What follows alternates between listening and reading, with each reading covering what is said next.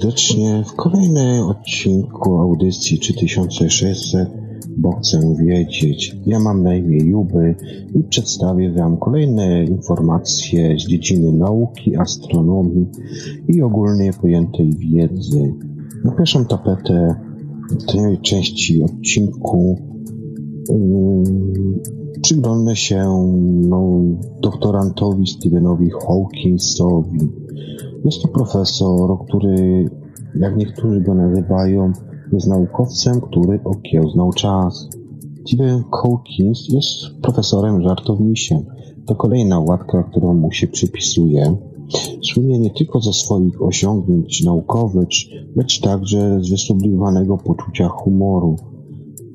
Jak wyznaje w jednym z wywiadów, prymitywne życie jest w kosmosie powszechne, podczas gdy inteligentne bardzo rzadkie. Niektórzy też twierdzą nawet, że jeśli jeszcze nie pojawiło się ono tak naprawdę na Ziemi. W 1963 roku lekarze dawali mu tylko 3% dat, 3, tylko 3 lata życia, w dodatku wypełnionego postępującym paraliżem. Tymczasem on do dziś jest aktywny zawodowo. Jeździ na takim słynnym wózeczku i bardzo często można go było spotkać, choćby nawet w wywiadach, w takich programach jak y, programach y, y, takich telewizjach, między innymi jak Discovery. Przedstawię Wam zatem historię Stephena Hawkinsa, geniusza chorego na stwardnienie zanikowe boczne, które komunikuje się ze światem za pomocą syntezatora mowy. Od lat nie porusza się on o własnych siłach, siłach, ale zamierza polecieć w kosmos. Dwudziestoletni doktorant Stephen Hawkins budził się przerażony w swoim pokoju w Cambridge. Jeszcze kilka godzin temu sądził, że świat stoi przed nim otworem. W międzyczasie usłyszał jeden wyrok. Okazało się, iż cierpi on na stwardnienie zanikowe boczne. Mężczyzna zdał sobie wtedy sprawę, że wkrótce jego szare komórki przestaną wysyłać sygnał, y, ciału sygnał odpowiadający, jego, y, odpowiadający za jego ruch. Nogi wówczas odmówia, odmówia, odmówią mu posłuszeństwa, a nie będzie on wtedy też mógł nawet podnieść do szklanki u, u, ust szklanki szkockiej, a na koniec nawet zaczerpnąć powietrza. Lekarze twierdzą, iż może liczyć na co najwyżej trzy lata życia. Odtąd regularnie towarzyszy mu koszmar, w którym to K wykonuje nad nim egzekucję. 8 stycznia 1942 roku minęło dokładnie 300 lat o śmierci Galileusza. Tego też dnia na świat przyszło około 20 tysięcy osób, lecz tylko jedna z nich w pełni sprostała symbolice daty. Był to Stephen Hawking, prawdopodobnie najsłynniejszy astrofizyk przełomu XX i XXI wieku. Jak na naukowca tej klasy dość późno nauczył się czytać, bo dopiero w wieku 8 lat. Rodzice, brytyjscy inteligenci, posłali go do liberalnej szkoły, w której to dzieci miały pojąć tę sztukę sami, bez pomocy nauczycieli. W rezultacie nie uczył się wcale. Chłopiec od małego zdradzał zainteresowanie pojazdami mechanicznymi. Uwielbiał je rozkręcać, ale do prac naprawczych zabierał się już dużo mniej ochoczo. To dla niego, to dla niego symptomatyczne umiłowanie dociekań teoretycznych, za którymi nie idą w parze umiejętności praktyczne. Jedna z, z wielu wszelkich pasji Hawkinsa to była kolej. Zastąpiono później przez modele samolotów czy też samochodów oraz łodzi. Już jako kilkunastolatek wymyślał on skomplikowane i rozbudowane zabawki, takie jak gra przemysłowa z makietą fabryk czy pociągiem przewożącym towary. Konstruował on również komputer wielkości lodówki, potrafiący rozwiązywać proste zadania logiczne. W szkole mówiło, mówiono o nim Einstein, mimo że nigdy się nie znajdował się na szczytach rankingowych osiągnięć w nauce. Nie, zabierał, nie zabiegał on też nigdy o popularność, lecz jego kolegom imponował jego ekscentryczny sposób bycia i błyskotliwe poczucie humoru. To ostatnie nigdy go nie odpuściło. Dystans wobec siebie oraz swoich ułomności pozwala mu walczyć z przeciwnościami losu. W jednym z odcinków sitcomu Teoria Wielkiego Podrywu, w którym to zagrał samego siebie, mówi, cytuję, nigdy nie wygrałem Nagrody Nobla, ale to nic, przynajmniej wystąpiłem z Simpsona. Ojcu Stevena bardzo zależało, aby chłopak dobrze się uczył. Codziennie po pracy dawał mu więc korepetycje z matematyki. Nie dość, że uczeń przerósł mistrza, to w dodatku zdecydował, iż studia, że na studiach chce zagłębiać e, tajniki królowej nauk. Tymczasem Hawkins, mm, Frank Hawkins uważał, że na matematyków czeka tylko praca nauczycieli, a dla ukochanego syna marzyła mu się kariera lekarza. Ostatecznie mężczyźni zawali kompromis i Steven zajął się chemią. Fizyka wydawała mu się wtedy zbyt banalna. W wieku 17 lat y, z powodzeniem zdał na Uniwersytet w Oksfordzie. Wbrew pozorom na tej prestiżowej uczelni nie obowiązywał etos ciężkiej pracy.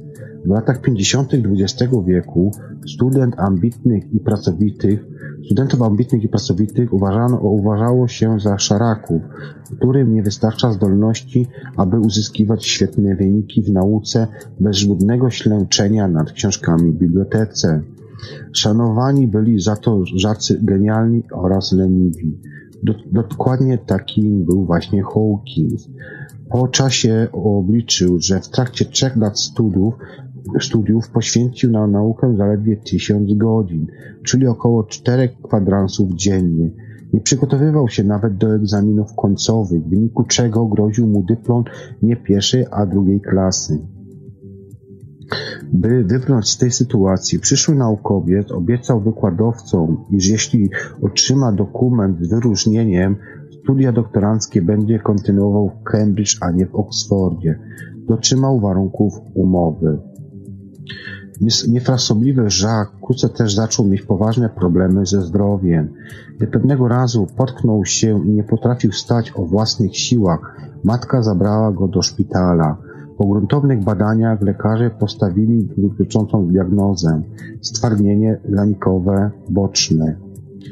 21-latek nie był wtedy w stanie pogodzić się z widmem niepełnosprawności i szybkiej śmierci. Zadręczał się myślą, jak wiele mógłby jeszcze osiągnąć, gdyby nie zachorował.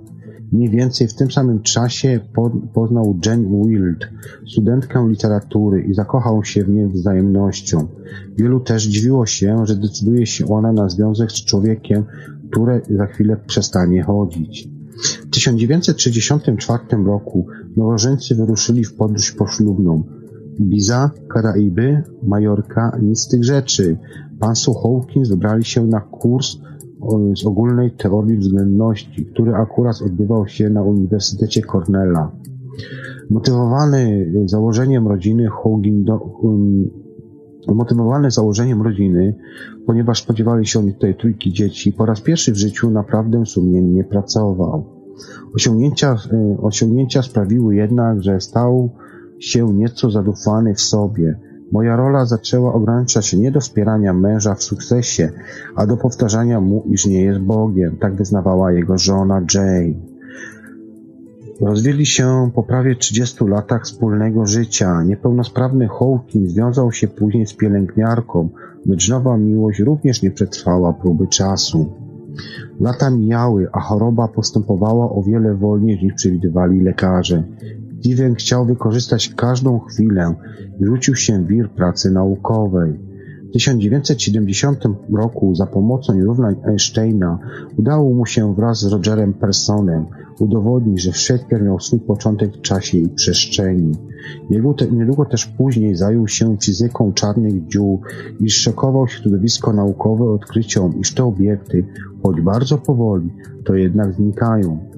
Mogą wyparować, wyrzucając z siebie cały pył światło i gwiazdy, które wcześniej wchłonęły. To nazwisko nazywa się dziś promieniowaniem Hawkinga to właśnie on dowiódł także, że każdą czarną dziurę da się opisać za pomocą trzech właściwości. To jest masę, moment pędu oraz ładunkiem elektrycznym. W połowie lat 80. Brytyjczyk zaczął interesować się zastosowaniem teorii kwantów do warunków istniejących na początku wszechświata chwili Wielkiego Wybuchu. Naukowcy zdecydowali, zdecydowanie naukowi, naukowcowi zdecydowanie nie było łatwo Ręce już dawno odmówiły mu posłuszeństwo, a wszystkie skomplikowane obliczenia musiał więc przeprowadzać w głowie. Mimo postępującej niepełnosprawności Hawkinsowi wraz z Jamesem Hartem udało się opracować tak zwaną hipotezę braku brzegu, która miała, miała kluczowe znaczenie dla powstania kosmologii kwantowej. Według niej uniwersum nie ma żadnych granic, a w związku z tym nie posiada także ani początku, ani końca po prostu jest, tak twierdził. Sławę na światową skalę przyniosła mu publikacja popularno-naukowa, nakład krótkiej historii czasu. Od wielkiego wybuchu do czarnych dziur rozszedł się błyskotliwie, a do dziś sprzedano e, prawie 10 milionów tych egzemplarzy. Hawking trafił nawet do Księgi Rekordów Guinnessa po tym, jak jego dzieło najdłużej w historii ponad 4 lata utrzymywało się na liście bestsellerów. Zarobione w ten sposób pieniądze przeznaczył na skomplikowaną aparaturę, która czyni jego codzienną egzystencję choć trochę bardziej znośną. Stephen Hawking zajmuje się jednym z najbardziej intrygujących zagadnień fizyki czasem. To, co przez wieki wydawało się nieokiełznane, on zdołał ogarnąć siłą rozumu. Marzenie, by znaleźć odpowiedź na pytanie o początek wszechświata, a nawet opracować teorię wszystkiego, czym trzyma go przy życiu tak mocno, że wygrał on z wyrokiem, który dawno, dawno temu wydali na niego lekarze. Chciał być naukowcem i szyków nie pokrzyżował mu nawet nieuleczalna choroba. W ten oto sposób, zamiast prognozowanych 24 lat, przeżył i, jak na razie, 75. Choć dzisiaj Steven jest profesorem matematyki, to formalną edukację w zakresie tego przedmiotu zakończył w wieku 17 lat. Dlaczego? Z powodu mm, jego własnego ojca, a doktora Franka Hawkinsa, który uważał, że na matematykę czekają tylko posady w szkołach podstawowych. Tajniki królowej nauk astrofizyki zagłębiał on więc sam – niejako tak przy okazjach. Pewnego razu prowadził on kurs tego przedmiotu dla studentów Cambridge.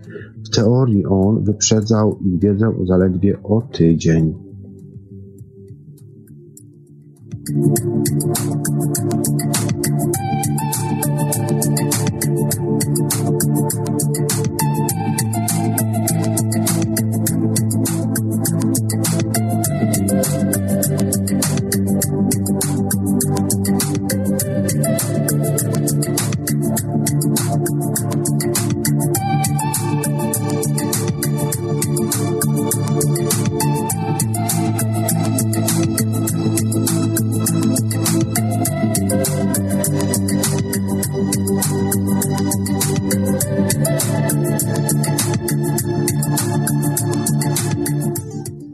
Wewnątrz Europejskiej Stacji Kosmicznej Media non-stop huczą od informacji o najnowocześniejszych urządzeniach oraz technologiach mających pomóc ludzkości w wydarciu kolejnych sekretów uniwersum.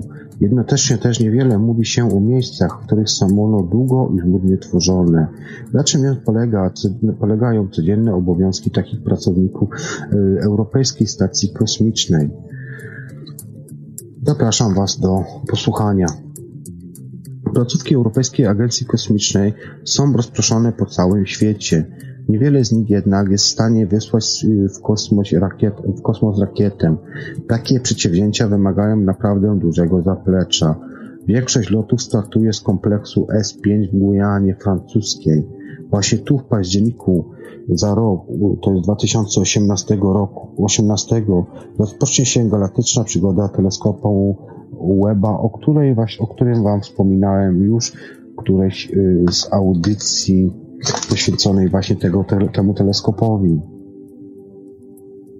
Lot w kosmos kontra BHP. Nie tylko sądy są poddawane testom, każdy element ekwipunku, w tym również moduł stały, moduły stacji kosmicznej przed wystrzeleniem muszą zostać gruntownie sprawdzone.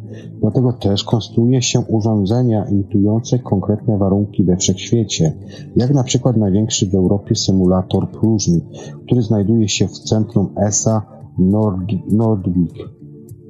Specjalny zestaw pomp próżniowych jest w stanie niemal całkowicie odesłać, atmosferę z cylindra o wysokości 15 metrów i szerokości 10 metrów.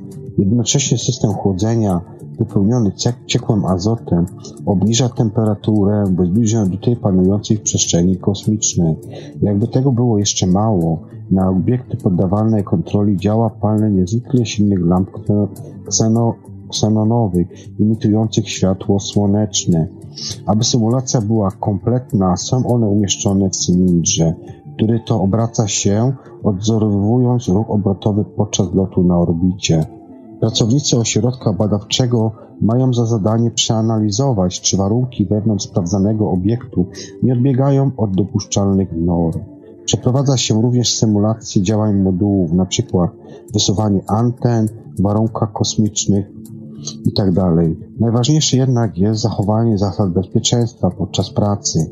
Najmniejszy bowiem błąd może doprowadzić do wypadku. Nie wszyscy pracownicy jednak agencji kosmicznych to naukowcy oraz inżynierowie.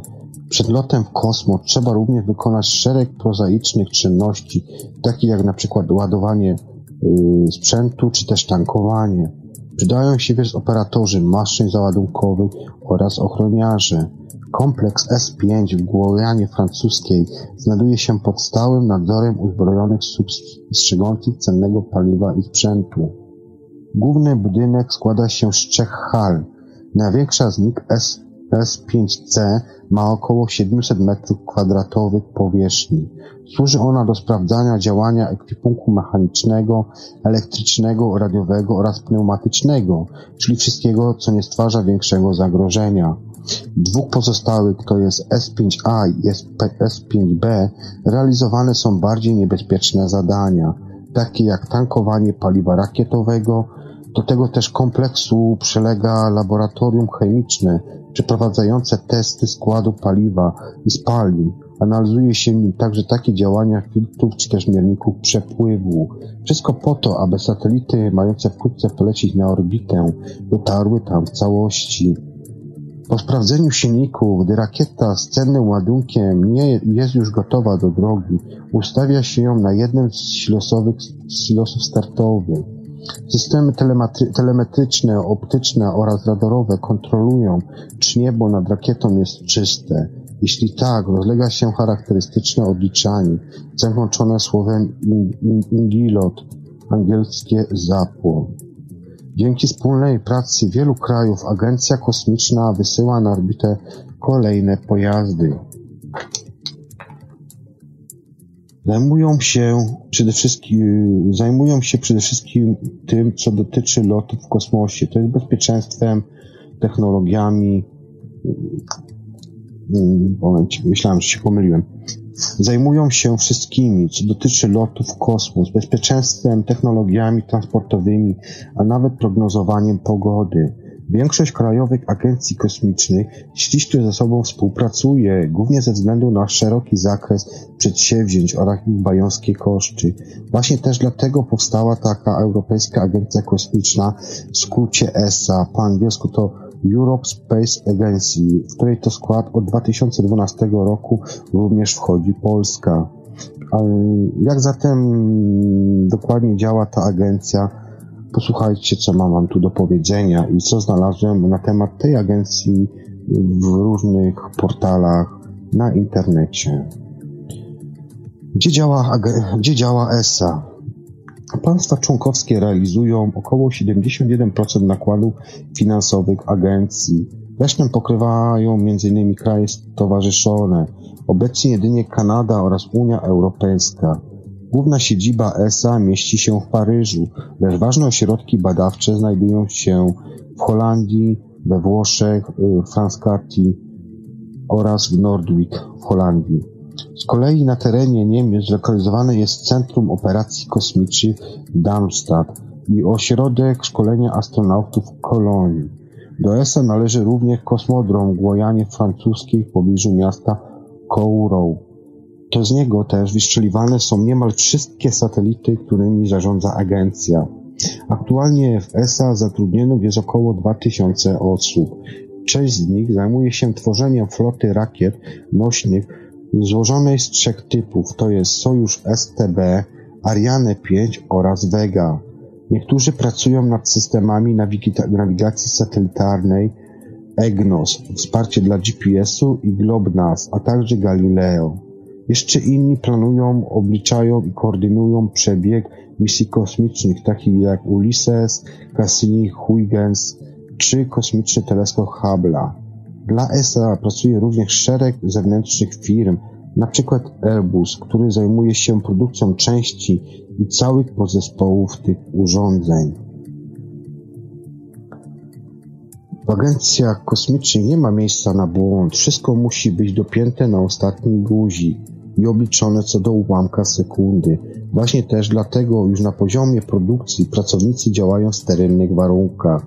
Dzięki temu ogranicza się ryzyko, że we wnętrzu konstruowanych urządzeń znajdzie się przypadkowy pyłek kurzu, który spowoduje katastrofę. Specjaliści budujący w ESA jeden z modułów teleskopu Jamesa Webba noszą, noszą ochronne ubrania. Kontrolowana jest również atmosfera w pomieszczeniach montażowych. Nie chodzi tylko o bezpieczeństwo pracowników. W różnym stopniu jest to troska o delikatne elementy supernowoczesnego urządzenia do obserwacji kosmosu, jak na przykład berylowe lustra. Na zespole zajmującym się montażem tego mega teleskopu spoczywa, wiel spoczywa wielka odpowiedzialność. Obecnie urządzeniem zajmuje się ponad 1200 fachowców. Ma ono być wysłane na orbitę w październiku 2018 roku, a więc czas jest ograniczony. Jednak żaden z odzianych w biały skafander ekspertów nie przyspiesza. To jest tutaj, powiedzmy, najważniejszą rzeczą jest tutaj po prostu precyzja. ISS na Ziemi, Airbus Defender and Space od 50 lat produkuje elementy satelitów. Współpracuje też z ESA przy tworzeniu załogowego statku Orion. W siedzibie firmy w Bremie, to jest Niemcy, można zobaczyć m.in. pełnowymiarowy model modułu Columbus, czyli laboratorium Międzynarodowej Stacji Kosmicznej. Yy, gdyż właśnie w tym miejscu go wyprodukowano. W placówce przedsiębiorstwa nieustannie pracuje sztab ludzi odpowiedzialny za utrzymanie przy życiu astronautów znajdujących się na orbicie. Przykładowy model jest niezbędny, by lepiej wizualizować specjalistom na Ziemi obiekt, który znajduje się wysoko w przestworzach. W Bremie mieści się również Centrum Komunikacji, to jest tutejsi inżynierowie podtrzymują kontakty z załogą ISS. Ośrodek zbudowano i uruchomiono po to, aby za pomocą bezzałogowych promów dostarczać na orbitę jedzenie oraz odbierać od kosmonautów informacje o życiu codziennym, które toczy się ponad 400 km nad naszymi głowami. Czy testowanie satelitów to fajna praca? Gdy rakieta w centrum ładunku, z cennym ładunkiem startuje i przebija się przez atmosferę, działają na nią niewyobrażalne siły. Temperatura, tarcie, wibracje, wszystkie te czynniki mogą w umieniu oka zniweczyć wysiłki sztabu naukowców oraz zakończyć misję spektakularną porażką. Dlatego też istotne są długotrwałe wszechstronne testy naziemne. Za sprawdzanie wytrzymałości satelitu odpowiedzialna jest między innymi współpracująca z ESA niemiecka firma IABG. Dostarczone do niej urządzenia przechodzą przez naj, najeżonych trudnościami, tor, najeżone trudnościami tor przeszkód, który to ma stymulować różnorodne siły wpływające na przedmioty na w przestrzeni oraz podczas startu. W skrócie też inżynierowie zawodowo zajmują się niszczeniem bardzo drogich sprzętów. Satelita jest też jest poddawany na przykład na działanie skrajnych temperatur, zarówno ekstremalnie niskich, jak i niezwykle wysokich. Mało tego, w izolowanej komorze podczas składania do 1000 do minus 180 stopni Celsjusza stale symulowane jest promieniowanie słoneczne. Z kolei w innych pomieszczeniach urządzenia wystawia się na bezlitosne symulowanie oraz na, na bez, oraz na inne czynniki. Testerzy mają do dyspozycji również specjalną tubę emitującą dźwięki o natężeniu niemal 140 dB. Imituje ona hałas, na którym to satelita na, na którym satelita jest narażony podczas startu rakiety. Aby też uwiarygodnić wyniki eksperymentu, podaje się, się dwa egzemplarze, lecz y, czynniki są wywołane w, jednej, w innej kolejności. Prowadzi się również analizy sprawdzające odporność na uszkodzenia fizyczne. To musi być ulubiona czynność pracowników IABG, bowiem firma nie podaje jeszcze szczegółów na temat tego, na temat tej metodyki.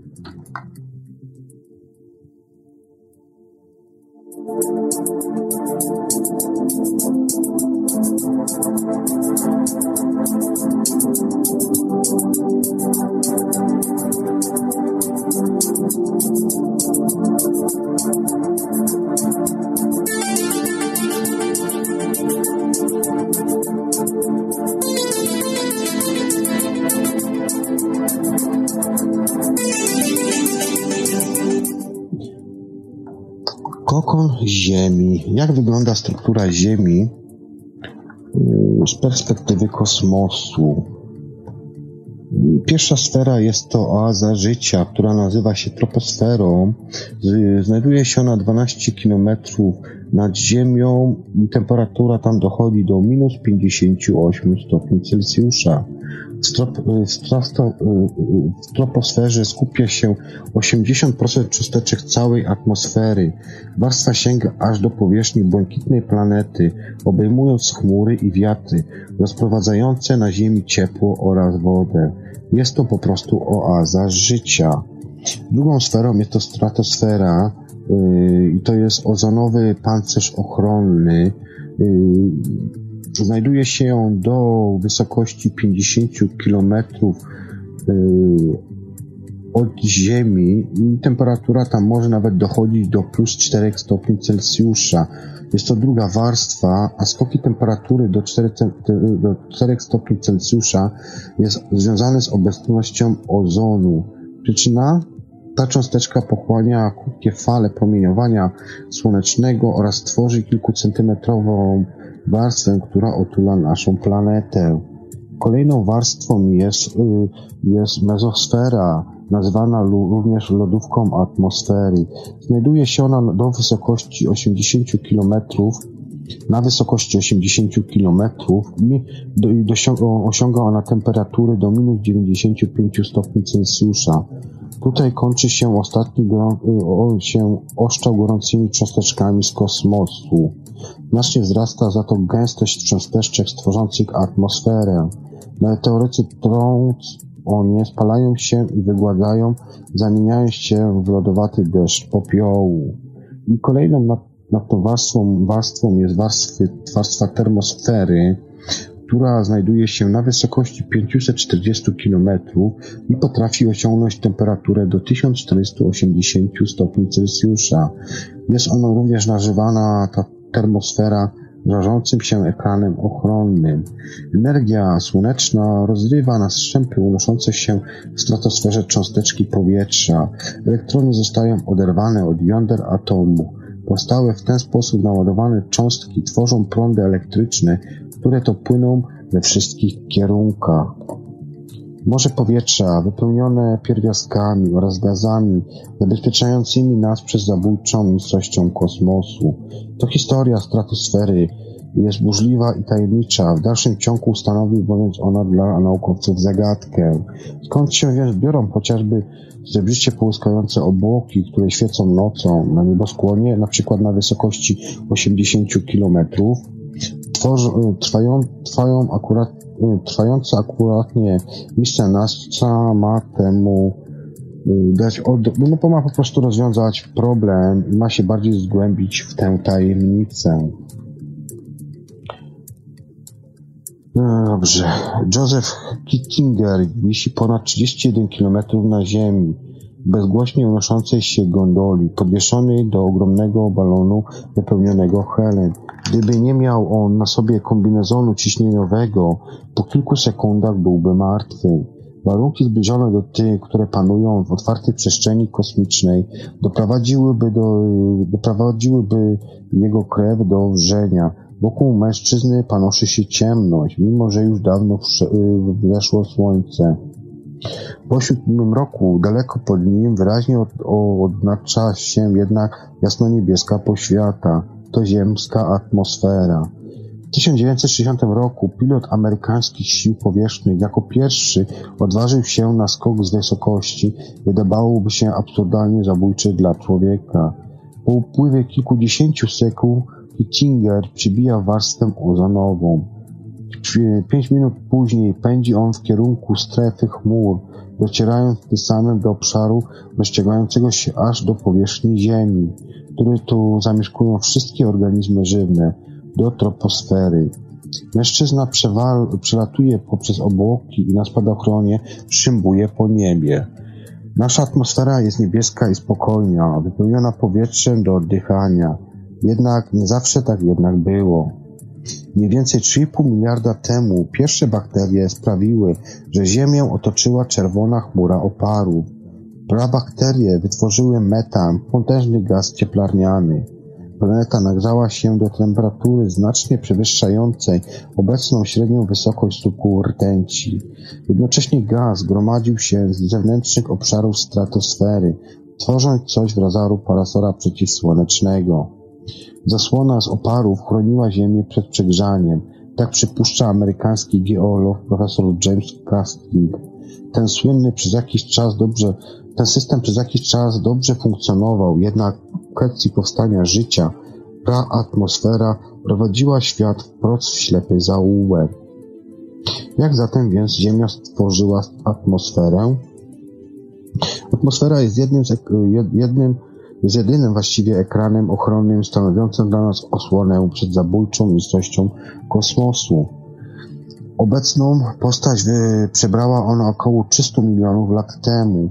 Zaczęła się jednak wyłania znacznie wcześniej, bowiem 4,6 miliarda lat temu wokół powstającej wtedy Ziemi nagromadziły się cząsteczki wodoru i, i helu.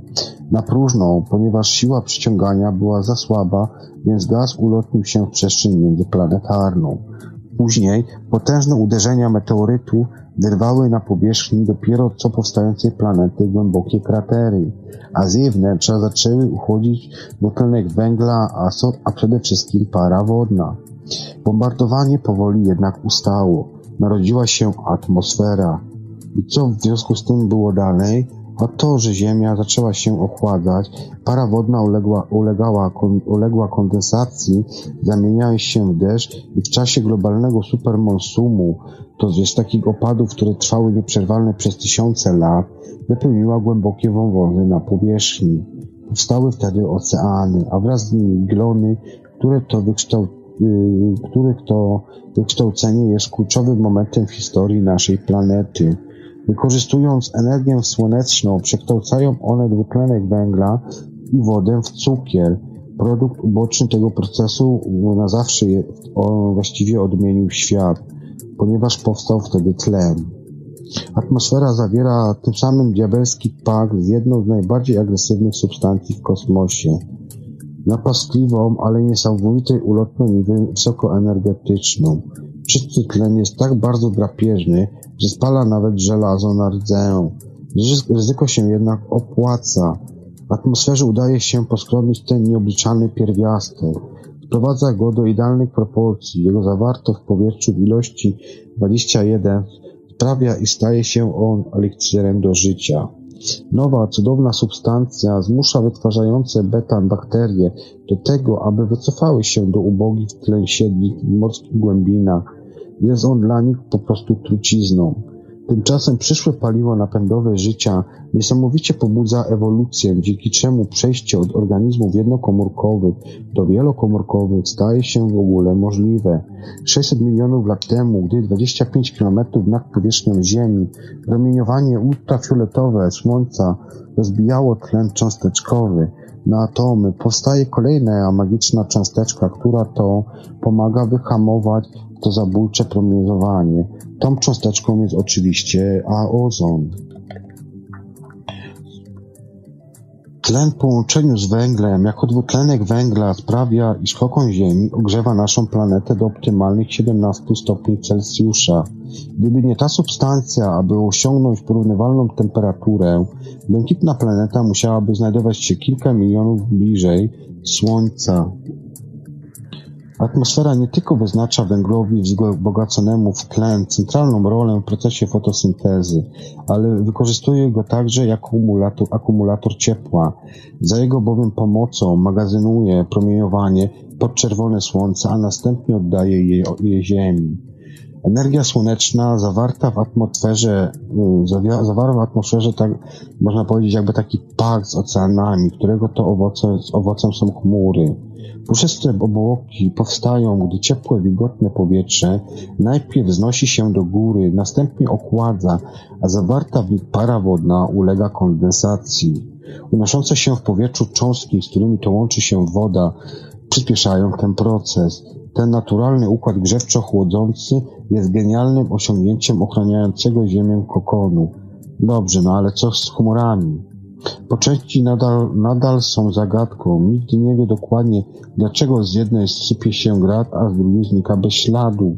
Nie wiadomo też, czemu ich niektóre pokłady ochładzają nasz grób, a inne go ogrzewają. Zagadkowe są również obłoki świecące w godzinach nocnych. Połyskując, po, połyskując y, srebrzyście unoszą się na wysokości 83 km, czyli na granicy ostatniej warstwy sąsiadującej z kosmosem.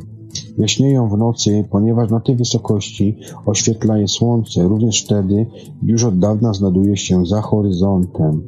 Naukowcy też przypuszczają, że tak zwane obłoki srebrzyste składają się z lodowatych kryształków, bowiem nowy satelita NASA właśnie gromadzi obecnie dane na ten temat.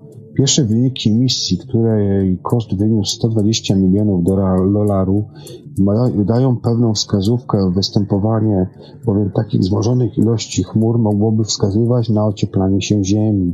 Więcej, więcej dwutlenku węgla na naszej planecie sprawia, że mniej promieni słonecznych jest z powrotem odbijany kosmos, czego konsekwencją jest wychładzanie się zewnętrznych warstw ziemskiej powłoki. Atmosferę uderzają cząstki promieniowania kosmicznego o ogromnych energiach, niekiedy porównywalny też z energią pojedynczej mikroczarnej dziury. Dochodzi wtedy do pojawienia się tzw. Tak pęków atmosferycznych, czyli kaskad cząsteczek powstających wskutek zderzenia się cząstek promieniowania kosmicznego z cząsteczkami ziemskiej atmosfery. Powłoka błękitnej planety musi więc non-stop radzić sobie z trwającymi nieprzerwanie oszczołami. W każdej bowiem sekundzie uderzają w nią biliardy cząsteczek promieniowania kosmicznego. Oprócz ciepła i światła ochraniającej błękitną planetę kokon, Uderza także agresywne promieniowanie rentgenowskie oraz ultrafioletowe. W związku z tym na wysokości 80 km niczym strażnicy czają się pojedyncze cząstki powietrza. Przechwytują one promienie rozrywane i rozgrzewane do temperatury 2000 stopni Celsjusza. Kończą tutaj także swój, kończą tutaj także pociski dużego kalibru, a więc takie jak spadające meteoryty, meteoroidy pękają niczym kule śniegowe rzucone w mur. Ziemi są one widoczne jako tak zwane spadające gwiazdy. Atmosfera przepuszcza jedynie takie promieniowanie, które się jej przydaje. Wichury powstają w głębszej warstwach, natomiast kiedy zostanie uwolniona y, dostateczna część takiej zmagazynowanej energii kosmicznej, na szczęście, gdyby świata nie otaczał właśnie taki układ pasatów oraz wiatrów zachodnich, planeta wyglądałaby zupełnie inaczej, bowiem w niektórych miejscach byłaby ona zamarznięta, a w innych całkowicie spalona. Po średniej szerokości geograficzne stanowią potężne strefy kolizyjne, gdzie zimne powietrze polarne zderza się z ciepłym powietrzem tropikalnym, sprawiając, że powstają wichury. Przytaczają się one poprzez cały świat niczym ułożyska kulkowe. Podniebly Goldstone, samolot, który powoli się wznosi. Niebo jest bezchmurne. Kiedy pilot przekracza pułap 6000 metrów, odczuwa ciąg. Od tego momentu jest gnany szalonym strumieniem powietrza, mimo że wokół niego lśni bezchmurny błękit. Te wijące wysoko Wiatry występujące na obu półkulach i okrążające Ziemię nazywane są prądami strumieniowymi. Mówi tutaj doktor ekspertka Gabriela, doktor Gabriela Walker. Mają one średnicę kilkuset kilometrów i grubość zaledwie kilku kilometrów, ale wciąż są niezbadane. Tak stwierdza pani doktor. Poruszające się z prędkością ponad 500 km na godzinę Należą do najsilniejszych wiatrów świata, są szybsze od huraganu, prawie dorównują tornadom, ale przede wszystkim cechuje je jedno, nigdy nie, nie przestają wiatr. Statki powietrzne wykorzystują je jako wiatr tylny do ich przebiegu dostosowane są wysokości oraz trasy przelotu. Dzięki temu samolot może emitować nawet o 20% mniej dwutlenku węgla. Prądy strumieniowe są niezastąpione, Prowadzą wichury dookoła świata. Są motorami naszego klimatu. Goldstromem dosłownie w przestworzach.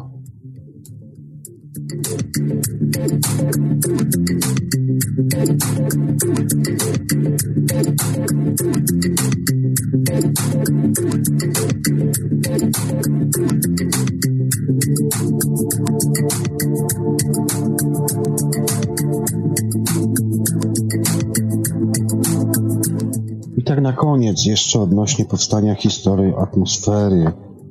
Taka krótka historyjka, dosłownie w paru zdaniach, jak to mm, mogło wyglądać. 4,6 miliarda lat temu Ziemia była brzydkim kaczątkiem Układu Słonecznego, a więc jedną z wielu małych planet, które pędziły wokół młodego Słońca prędkością dziesiątek tysięcy kilometrów na godzinę owe ciała niebieskie zderzały się ze sobą. Błękitna planeta niespodziewanie okazała się szczęściarą. Nie tylko przetrwała już po upływie stu tysięcy lat, osiągnęła ona dwie trzecie swojej obecnej wielkości. Uformowały ją przede wszystkim silne uderzenia meteorytów. Towarzysząca im temperatura sprawiła, że Ziemia zamieniła się w ognistą planetę. Płomienie pochłonęły wszystkie nierówności, nadając więc powierzchni głaskości. W wyniku katastrofy stała się najładniejszym ciałem niebieskim Układu Słonecznego. Sytuacja stopniowo się uspokoiła, ziemia się uchodziła i zaczął wtedy padać deszcz. Na początku była eksplozja, tak zwana godzina zero.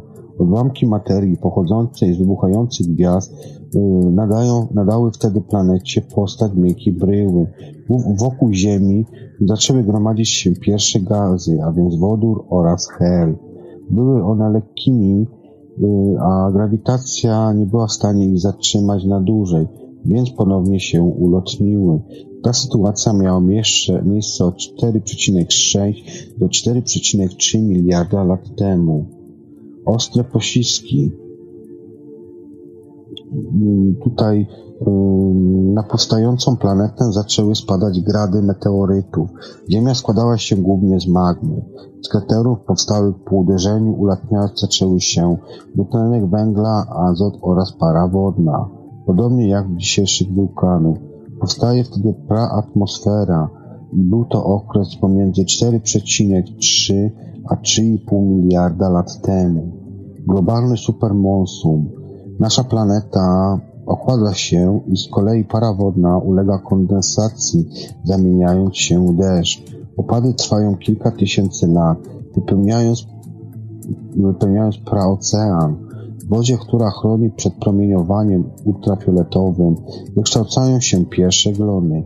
Genialnym wynalazkiem tych organizmów jest fotosynteza. Jest to okres, który jest datowany na, na 3,5 do 1,5 miliarda lat temu. Kolejna, kolejny, kolejna y, proces jest to życiodajna warstwa, a więc jest to wraz z fotosyntezą na Ziemi rozpoczyna się rewolucja tlenowa. Powstają wtedy organizmy wielokomórkowe. Promieniowanie ultrafioletowe rozbija cząsteczki tlenu, tworząc azot. Dzięki jego, dzięki jego osłonie życie może przenieść się z wody na ląd. Ta sytuacja nastąpiła w okresie od 1,5 miliarda do 300 milionów lat temu.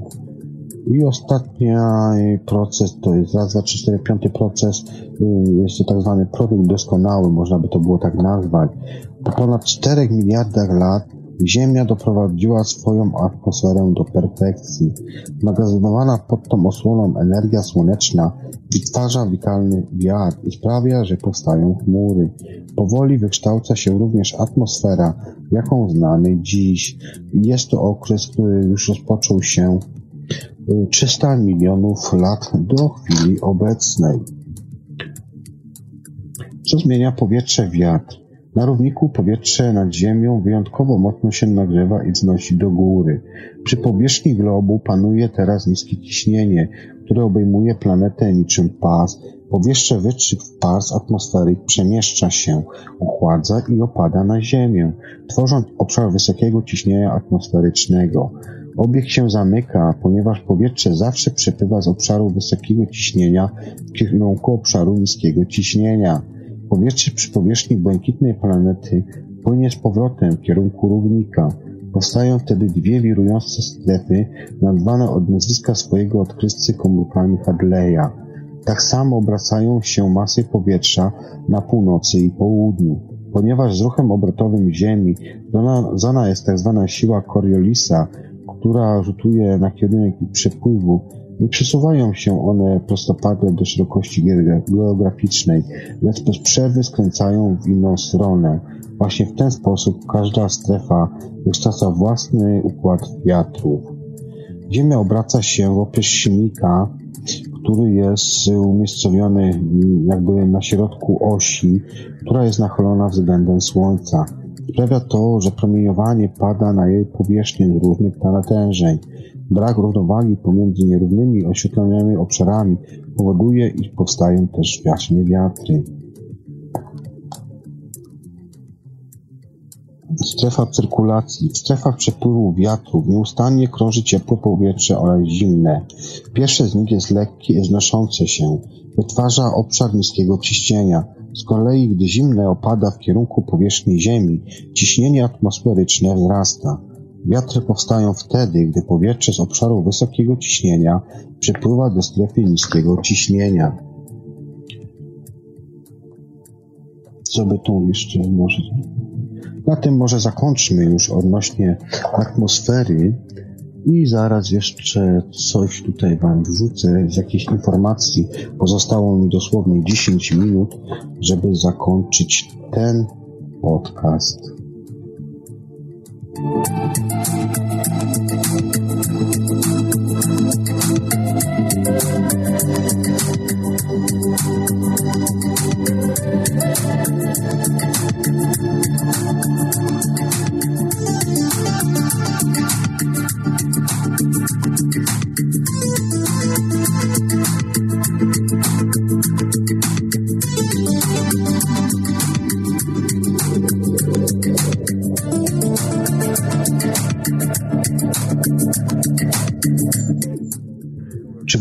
mogą schłodzić atmosferę? Wygląda na to, że tak. Y, tak przynajmniej twierdzi brytyjski badacz profesor Vincent Gauci. Uważa on, że jest to, że jest to zasługa siarki zawarte w smugach dymu aktywnych wulkanów. Spada ona na ziemię w postaci kwaśnego deszczu, wspierając wzrost siarkolubnych bakterii. Te wypierają inne mikroorganizmy produkujące metan, będący gazem cieplarnianym. Gauci uważa, iż wybuchy wulkanu mogą chłodzić atmosferę w jeszcze inny sposób. Wrzucone do niej cząsteczki pyłu odbijają promieniowanie słoneczne, które nie mogą już później ogrzewać niższych warstw mm, powietrza.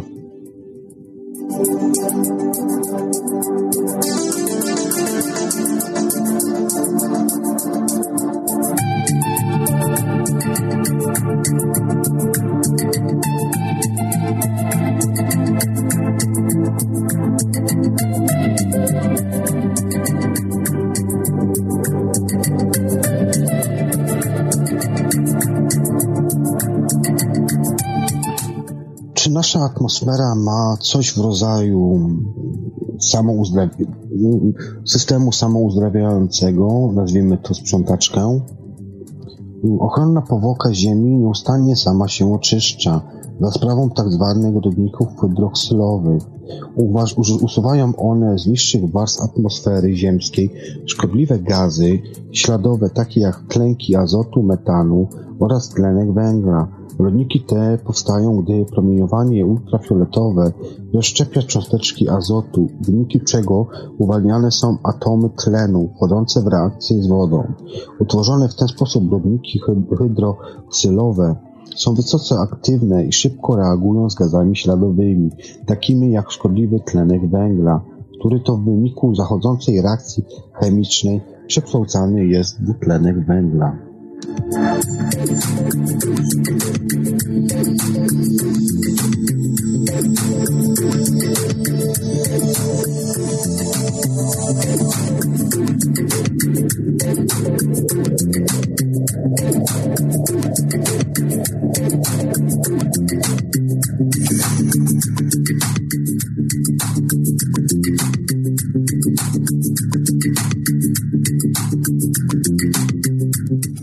Jak ma się obecnie dziura ozonowa?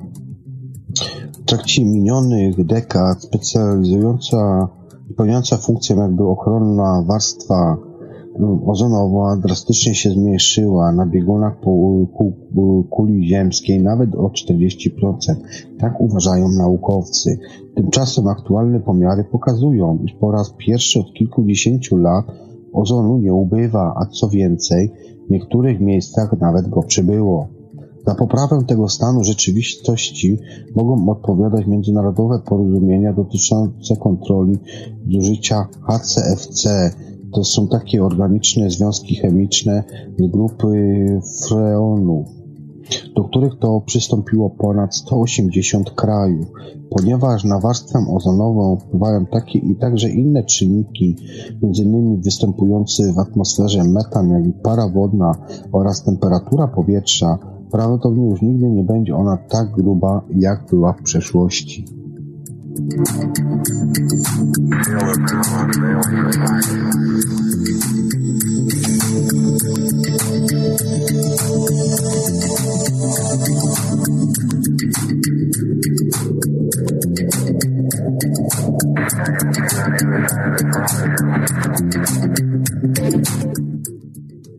Czemu niebo jest niebieskie? Pierwotnie światło słoneczne jest białe, ponieważ składa się ze zmieszanych ze sobą barw spektralnych. Gdy pokonuje atmosferę ziemską, ulega on rozproszeniu. Część światła słonecznego nie dociera więc bezpośrednio na Ziemię, tylko po drodze jest rozpraszana przez obecne w atmosferze cząsteczki powietrza. Promieniowanie niebieskie są przy tym Promienie niebieskie są przy tym bardziej rozpraszane niż światło czerwone, a co oznacza to, że iż po rozszczepieniu światła białego jego niebieska część dociera do nas nie z części, lecz z samego obszaru nieba. Kiedy to spoglądamy w górę, widzimy przede wszystkim niebieskie światło. Dlatego niebieskie też wydaje nam się niebo.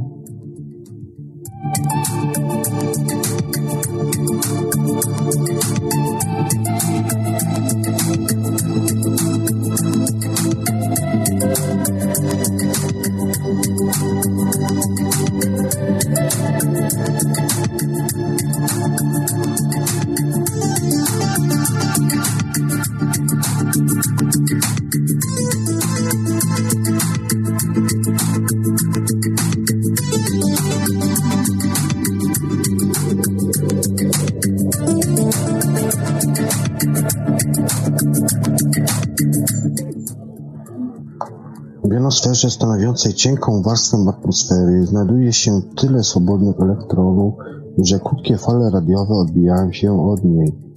Zabójcze promieniowanie rentgenowskie Słońca nie dociera do nas tylko dlatego, że 80 km nad powierzchnią Ziemi przechwytuje je pojedyncza, y, pojedyncze cząsteczki powietrza. W efekcie jego elektrony zostają oderwane od jąder atomowych i podgrzane do temperatury rzędu 2000 stopni. Tworzą one jonosferę, która odbija krótkie fale radiowe, dzięki czemu mogą się one rozchodzić po całym świecie, a my dzięki temu możemy słuchać radia.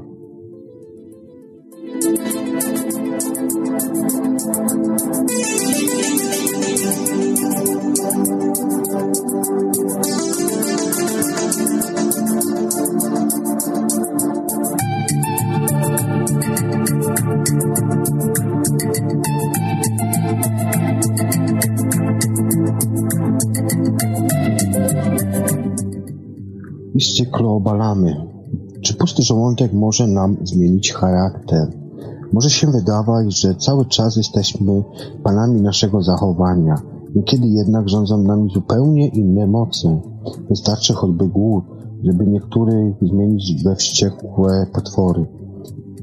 Pusty żołądek uwalnia hormon zwany greliną, który to powoduje w organizmie wzrost poziomu neuropeptydy. W skrócie jest to NP, NPY, czyli neuroprzekaźnika sprawiającego, że mamy ochotę coś zjeść. Ale im więcej w nas NPY, tym mniej serotoniny, a niski poziom tego drugiego neuroprzekaźnika oznacza zaburzoną komunikację między ciałem migdałkowym, to jest, który jest odpowiedzialny za rozpoznawanie zagrożenia, a korą przedczołową, który to reguluje odpowiedzi, emo, y, odpowiedzi emocjonalne. W takiej też sytuacji trudniej zapanować jest nad emocjami, gdy jesteśmy w, w stresie. Ludzie różnią się liczbą połączeń między tymi strukturami, co tłumaczyłoby, dlaczego nie wszyscy wpadają w furię na głodniaka, cokolwiek do zjedzenia.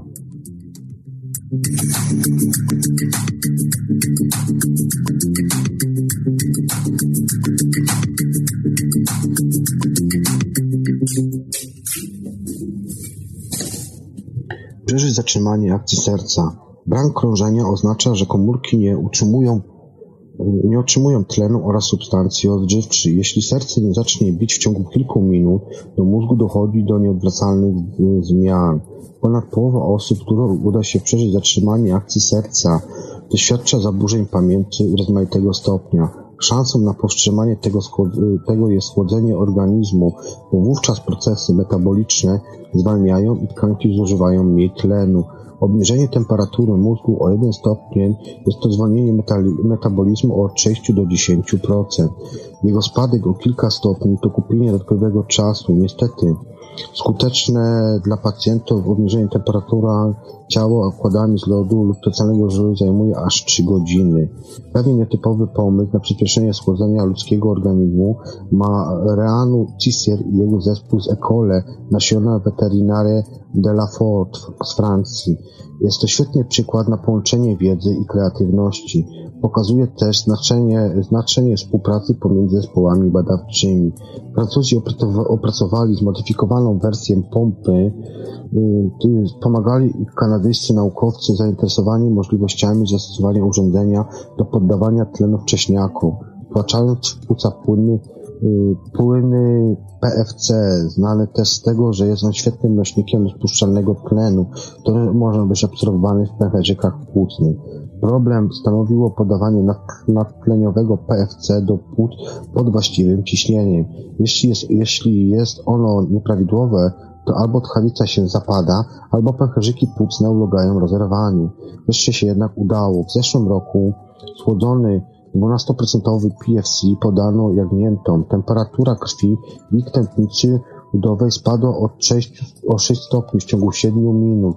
Doświadczoną też poddano króliki, u których to przeprowadzono do chwili, do chwilo, doprowadzono do chwilowego zatrzymania akcji serca. Zwierzęta oziębione za pomocą PFC wykazywały znacznie mniej zmian w mózgu niż grupa kontrolna. Jak twierdzi TCR, chłodzenie organizmu człowieka tą metodą zajęłoby 15-20 minut. Następnym krokiem będą już testy z udziałem ludzi.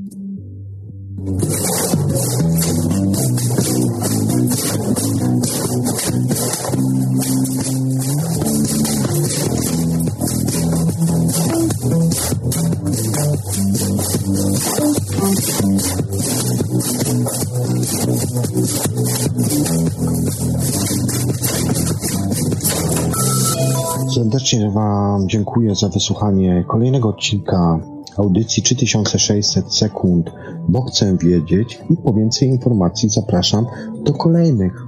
Hej, hej, trzymajcie się, papa. Pa.